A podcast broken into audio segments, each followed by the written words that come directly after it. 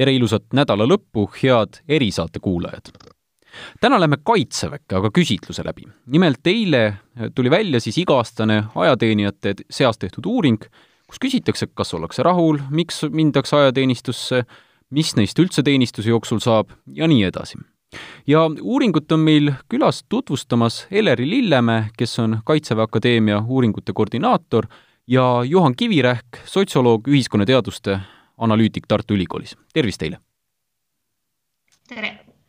võib-olla esialgu küsiks kohe selle uuringu enda kohta, et, et miks seda täpsemalt tehakse? no üleüldiselt, et kui uuringuid tehakse, siis vaadatakse, kas midagi on valesti ja kas midagi saab paremini teha või mis on hästi. et kas selle uuringu puhul on ka niimoodi, et kui näiteks ajateenija ütleb, et varustus talle ei meeldi, et siis vaadatakse hiljem, et missugust äh, varustust talle siis parem oleks leida või mis on selle uuringu lõpptulemus? Äh, ma alustuseks võib-olla ütlen paar sõna taustaks ka, et, et see uuring on äh, Kaitseväe Akadeemia ja Tartu Ülikooli selline ühisprojekt ja selle mm, algus äh, on nüüd aastast kaks tuhat kuusteist, mis tähendab, et see aasta on meie jaoks viies aasta ja tänu sellele me siis saame jälgida juba ajas selliseid muudatusi ajateenijate hoiakutes ja arvamustes et see on olnud ka selle uuringu põhieesmärk, et äh, vaadata, millised ajateenijate arvamused ja hoiakud on ja läbi aastate seda siis võrrelda. ja selle uuringu iseenesest teeb väga unikaalseks see, et äh, neid küsitletakse ajateenistuse alguses ja lõpus ja need vastused on omavahel seotud, et me teame, mida äh, inimene X arvas ajateenistuse alguses ja lõpus ja me saame vaadata, et kuidas ajateenistus seda protsessi mõjutas. aga tõepoolest, et uuringut ei ole mõtet teha uuringu enda pärast, vaid äh, sellest peab ka midagi kasu olema, et äh, seda uuringut tõepoolest äh, tutvustatakse neid tulemusi pidevalt ja jooksvalt kaitseväe siseselt. et aasta jooksul il, tegelikult ilmuvad mitmed raportid ja, ja need saavad valitsemisala sees siis ka kajastust, aga see, millest me nüüd täna räägime, on selline suurem aastaraport mis võtab kokku äh, eelmisel aastal äh, ajateenistuse lõpetanute arvamused. ma küsiks võib-olla seda, et milline on meie keskmine ajateenija? see, kes nüüd selle küsitluse täidab, et missugune on tema taust näiteks, et kui ta üldse sinna ajateenistusse tuleb, kui noor ta on, kas ta on jõukast või vaesest perest, kas äh, ta üldse tahab sinna minna või, või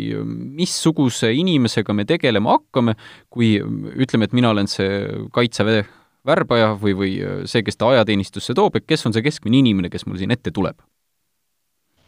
jah, siin on aja jooksul toimunud päris mitmed muudatused, et äh, meie keskmine ajateenija on muutunud äh, tunduvalt nooremaks, et kui aastal kaks tuhat kuusteist oli umbes veerand neid, kes olid kuni üheksateistaastased, siis täna on meil neid viiskümmend seitse protsenti et ta on muutunud tunduvalt nooremaks. teenistus on pigem planeeritud üldhariduse järgsele perioodile, et tullakse siis otse keskkoolist ja tullakse ka rohkem isikliku avalduse alusel. et siin võib ka tuua mõne numbri näiteks, et kui viis aastat tagasi tuli kolmkümmend kaheksa protsenti isikliku avalduse alusel, siis täna on see number natuke üle poole. ja siin taga on muidugi erinevad protsessid, et selle isikliku avalduse taga me võime näha seda, et äh, noored on muutunud palju teadlikumaks. Nad äh, oskavad ajastada võib-olla oma kohustusi rohkem, et ühelt poolt kindlasti on äh, nende noorte hulk, kes tahavad tulla ajateenistusse ja teevad sellepärast selle isikliku avalduse. aga teine hulk on neid noori, kes mõtlevad, et nad tahaks selle ära teha enne, kui tekib töö, enne kui tuleb minna ülikooli, enne kui tekib äh, erialavalik ja sellepärast nad teevad selle isikliku avalduse, et endale sobival ajahetkel seda teenistus läbida. et sellised muutused on meil ajateenijate profiilis siin toimunud. huvitav, kas see on, Juhan Kivirähk, küsiks teilt, et kas, kas see on selliseks sotsiaalseks normiks siis kujunemas, et äh, lähengi pärast keskkooli lõppu ajateenistusse, saan siis kas kaelast ära või, või lähen ja tahangi teha seda ja tehaksegi nii, nagu ütleme näiteks Inglismaal on populaarne käppjääre teha, on ju, et äh, keskkoolist äh, tullakse, ülikooli kohe ei minda võetakse üks nii-öelda vaheaasta, et kas see ajateenistus on ka siis äh, noorte jaoks midagi taolist nüüd? jah, üldiselt eks see ajateenistuse meie kolmekümne aastane taasiseseisvumise ajalugu on nagu näeb palju muutusi selles ajateenistusse suhtumises. et ütleme üheksakümnendatel aastatel, kui domineeris veel see mälestus nii-öelda Nõukogude armeest, siis oli see ajateenistusse minek ilmselt väga paljudele vastumeelne, sest et oli see imago, et, et see on midagi sellist noh, militaarset ja, ja ebameeldivat. Ja, ja küllalt palju oli ka neid, kes üritasid kõrvale hoida. Et niivõrd, kui see ajateenijate arvestus on äh, nüüd korrastunud ja, ja noormehed on tajunud, et see on tõesti siis vajalik või, või kohustuslik, siis loomulikult on ju mõistlik see teha ära sellisel hetkel, mis on sulle endale mugav, et kui need, kes lähevad siis ajateenistusse oma avalduse alusel,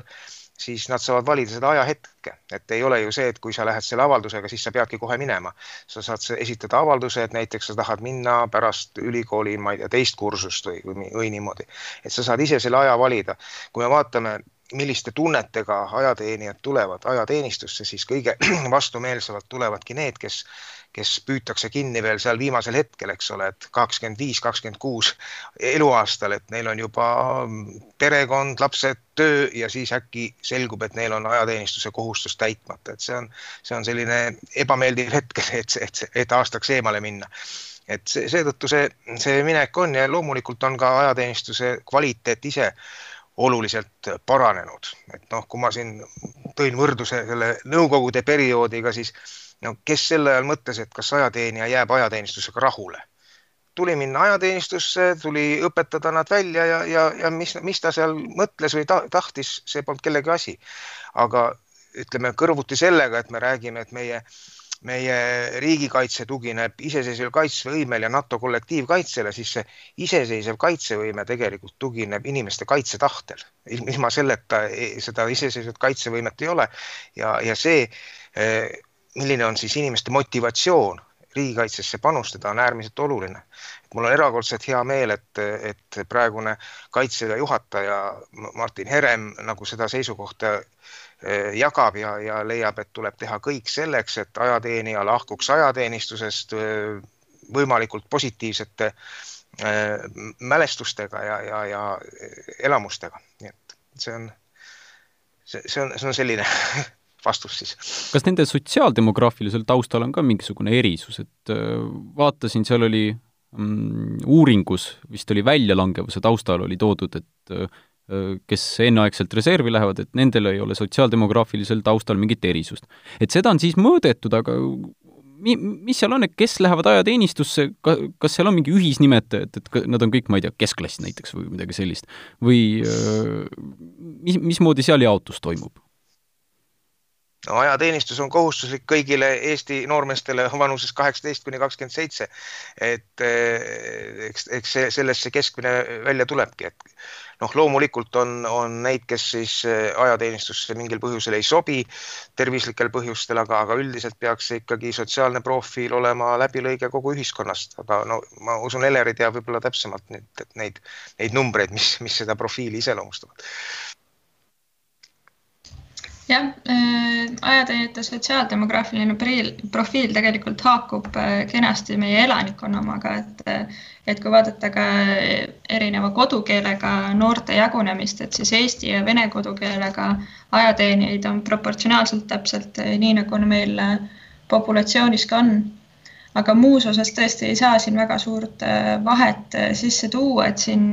võib rääkida sellest, kuidas erinevad kutsed on võib-olla natukene erinevad tulenevalt sellest, et äh, juulikutse kestab üksteist kuud ja koolitatakse rohkem erialaspetsialiste ja seal on olulisem natukene kõrgem haridustase. et ähm, üldiselt on nad ikkagi läbilõige Eesti noortest ja Eesti ühiskonnast võib-olla on see selline üldine küsimus, aga milline on üks rõõmus ajateenija, ehk siis äh, kui ta siseneb ajateenistusse ja lõpetab seal, et, et mis mis on see vahe, mis temas rahulolu tekitab ja kui ta sealt välja tuleb, kas ta on siis rõõmsam, kui ta sisenes ajateenistusse või, või on mingi asi vahepeal juhtunud? no seda ma usun küll, et kui ajateenistus läbi on, siis ollakse rõõmsamad kui sinna minnes, sest et ikka, iga, iga kohustuse puhul, eks ole, kui see läbi saab, isegi kui see on meeldiv ja arendav, siis ikkagi on ju hea tunne, et asi on tehtud ja, ja sul on siis see, see nagu ek, eksam nagu sooritatud. aga põhimõtteliselt noh, väga palju sellest, kas nüüd see ajateenija on seal ajateenistuses rõõmus või kurb või pettunud, sõltub tegelikult eel, eelnevast hoiakust. et just nimelt see, mida ma mainisin, millise hoiakuga ajateenistusse minnakse. et loomulikult need, kes on noh, selgelt huvitatud näiteks militaarelukutsest, nende motivatsioon on hoopis teistsugune, nad lähevad sinna, nad soovivad seal võimalikult palju omandada, võimalikult noh, tõsist koormust ja nii edasi. Need, kes lähevad siis nii-öelda kutse peale ja teavad, et nad peavad selle ajateenistuse läbima eks, eks nende, nende suhtumine on, on jälle teistsugune, võib-olla mõned mõtlevad, et, et, et kui saaks kergemalt läbi, oleks ju parem. ja on ka neid, kes lähevad sinna täiesti vastumeelselt, et parema meelega ei läheks ja, ja ne, ne, nemad noh, on, ütleme, kriitilised, märksa kriitilisemad läbi kogu ajateenistuse kõikvõimalike ajateenistuse külgede vastu, et, et neil on noh, nagu meil siin klassika ütleb, et, et küll on maa külmand ja kärss kärnas, eks ole, et, et, et miski, miski nagu ei tule hästi välja tõepoolest äh, tahtsin Juhanile lisaks veel öelda, on see ajateenija, kes äh, saab ajateenistusest midagi. et äh, see saamine võib väljenduda nii-öelda mitmes eri aspektis, et see võib olla see, et, et ma sain parema füüsilise vormi, need ajateenijad on näiteks rohkem teenistusega rahul. see võib väljenduda hoopis juhtimisoskustes, et ma olen saanud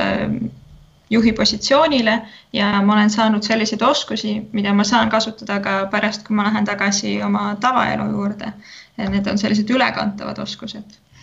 ja kui tõepoolest minna ka selle noorem seersandi, ähm, et need, kellel on soov minna noorema allohvitseri kursusele, nendel on suurem tõenäosus sinna ka saada et seal on küll mõned takistused, äh, mis võivad ette tulla, et äh, näiteks haridus või füüsiline võimekus, aga seal on ka mõned soosivad tegurid ja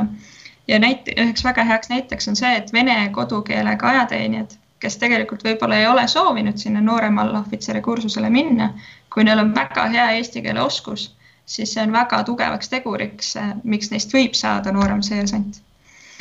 Et äh, see on selline väga huvitav uurimistulemus ja, ja kui see ootus realiseerub, et ta on soovinud sinna minna ja ta saab selleks, siis äh, see on kõige tugevam äh, rahulolu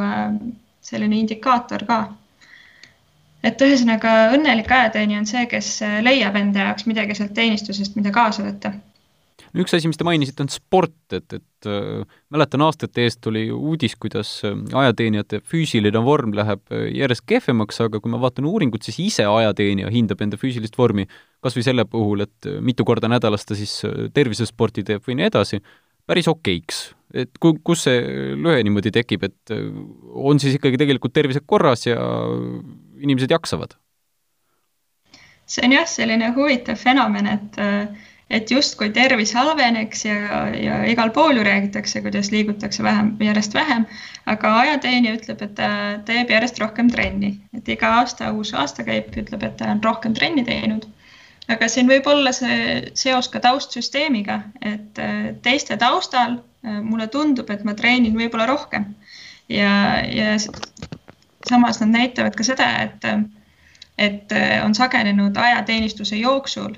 sportimine, mis on väga hea näitaja ja, ja Kaitseväe juhataja on ka öelnud, et järgnevate aastate jooksul väga palju investeeritakse Äh, infrastruktuuri, sest et kaks põhilist tegurit, äh, mida ajateenijad toovad välja, mis oleks äh, aidanud neid sportimisel, on see, et neil ei olnud aega ja teiseks neil ei olnud piisavalt võimalusi selleks. aga kui minna selle dilemma juurde, et mis ikkagi nüüd toimub, et kas siis läheb see tervis paremaks või ei lähe, et siis objektiivsem näitaja on võib-olla see NATO üldfüüsiline test. Et selles me väga suuri muutusi ei näe, et need küll aasta-aastalt võib-olla natukene on alguses kehvemad, aga ajateenistuse jooksul tegelikult need tõstetakse täpselt samale tasemele, kui on olnud varasemalt. Ja ajateenistus ikkagi vormib ja ühtlustab neist head ja tugeva vormiga ajateenijad huvitav, kas seda oleks ka võimalik teada, et mis nad edasises elus teevad, et tulevad ajateenistusest ära, kas teevadki rohkem sporti edaspidises elus või lasevad käest ära ja kasvab õllekõht ikkagi ette tagasi? No jah, nii kaugele paraku see meie kompleksuuring ei ulata, et me niimoodi läbi elu inimeste eh, tegevust uuriksime, et eh, jah, tõesti eh, reservõppe kogunemistel küsitlusi korraldatakse, aga need ei ole enam siis kokkuviidavad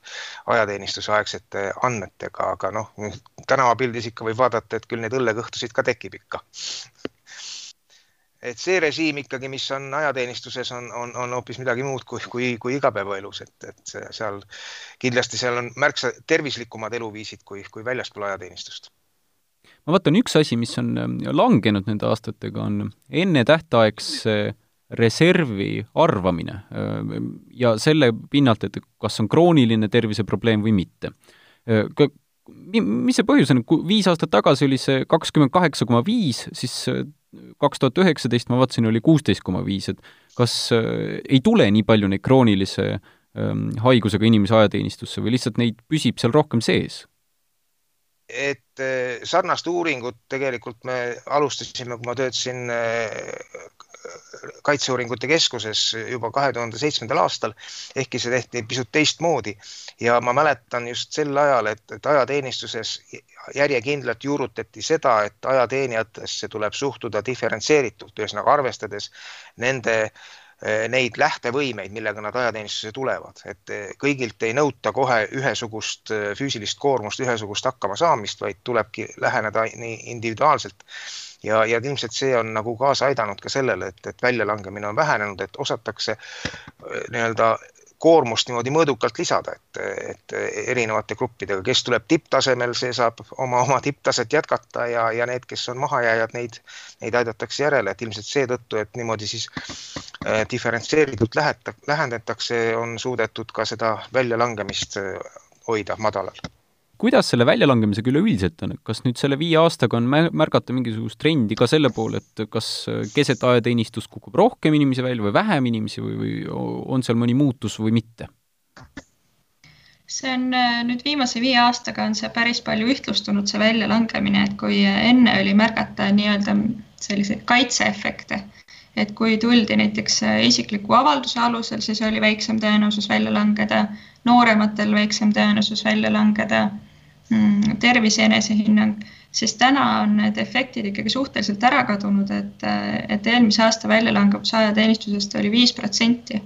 et ainus, mis praegu natukene ikkagi mängib, on see krooniline haigus. kui see on olemas, siis ta ikkagi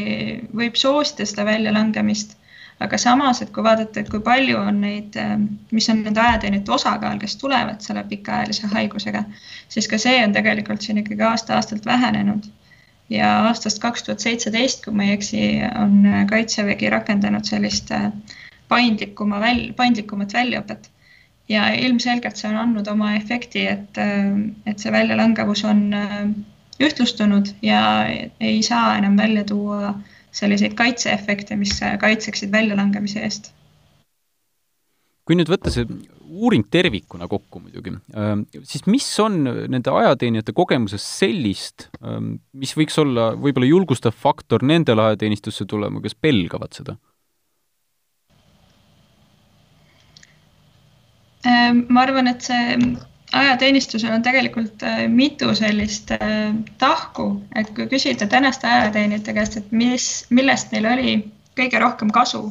siis äh, top kolm on äh, head tuttavad, enesekindlus ja edasiseks eluks äh, kasulikud oskused. et kaasa võtta on ajateenistusest päris palju ja, ja see samas üks nende suuri ootusi teenistuse alguses on just see füüsilise vormi paranemine, mida lõpus ka tugevalt öeldakse, et jah, minu füüsiline vorm paranes. et ma arvan, et ajateenistus ikkagi on selline koht, kus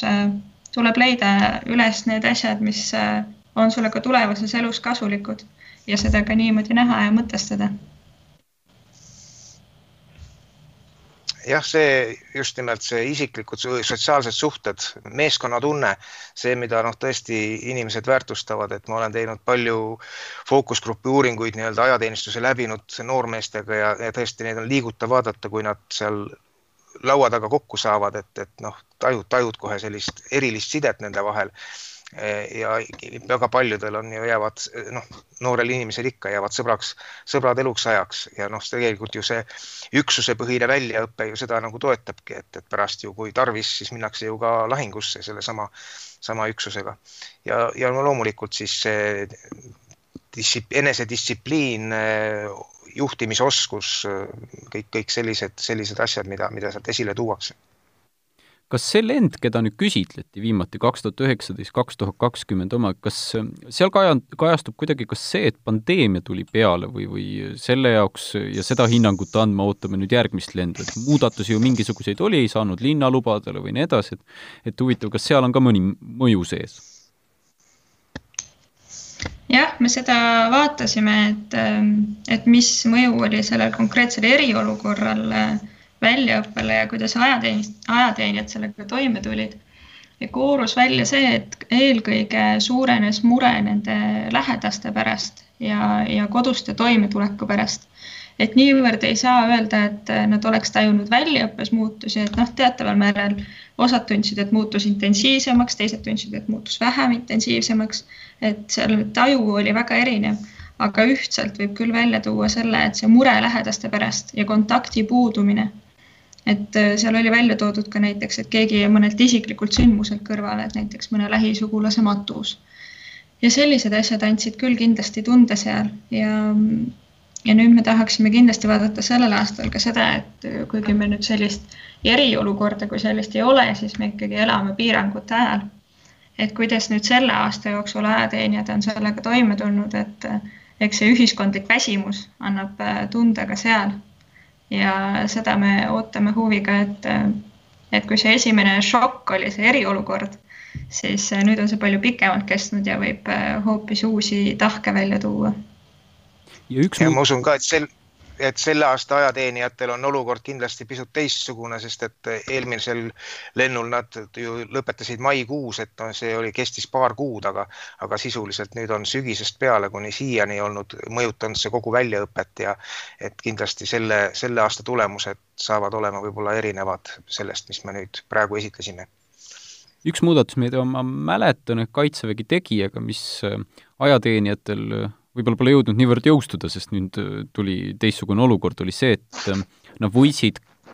senimaani tegelikult põhimõtte poolest võivad äh, päeva jooksul käia linnaloal. töö, õppetegevus on tehtud, äh, minge ja tuiake. et ma ei tea nüüd, kas selles lennus, ma arvan, et see vist oli ka esimene lend, kus oli see ähm, muudatus tehtud, et kas ka see näitas kuidagi, kas ajateenija motivatsioon paranes või mitte ja noh, muidugi tänavu seda vist ei saa enam näha, et, et pole kasutatud seda linn, nii-öelda ühepäevast linnaluba või? jah, see oli üks meid väga huvitav teema ja me olime planeerinud äh, suure küsimuste ploki selle kohta, et äh, saada teada, aga paraku, kuna nad said seda katsetada ainult umbes kuu või natukene peale ja siis tuli eriolukord, siis äh, me ei saanud seda küsida nende käest ja me ei saa seda ka see aasta küsida nende käest et sellest oli küll äh, palju uudiseid, kuidas ajateenistus muutub tööl käimiseks, aga, aga tänaseni see paraku olude tõttu ei ole realiseerinud, et, et me pikisilmi ootame aastat, äh, kus nad tõesti realiseeruvad ja, ja me saaks seda mõju äh, uurida ja vaadata. aga sellega ma arvan, et ma siinkohal ka lõpetaksin, sest kindlasti on äh, teaduse mõttes väga põnevat, äh, mida oodata ja vaadata inimeste arvamusest just nimelt selle lennu jooksul näiteks, kus äh, meil niigi pilgud on koroona ja eriolukorra peal, et kuidas, kuidas see on siis ajateenistust mõjutanud, seda enam, et arvamused ajateenistusest kui sellisest lähevad ju järjest positiivsemaks. aga tänaksin teid, Eleri Lindlämme ja Juhan Kivirähk, et veetsite pooltunni meiega siin erisaates, soovin teile kõike kena, kõike ilusat, kuigi täna on väljas lörts ja vihm, siis loodan, et kevad tuleb ka ikkagi üks hetk, et ta ei jää nüüd kuhugi peitu. loodame sama. tulemata ta ei jää, jah. kõige paremat. kõike paremat, suur aitäh teile ja aitäh ka erisaate kuulajatele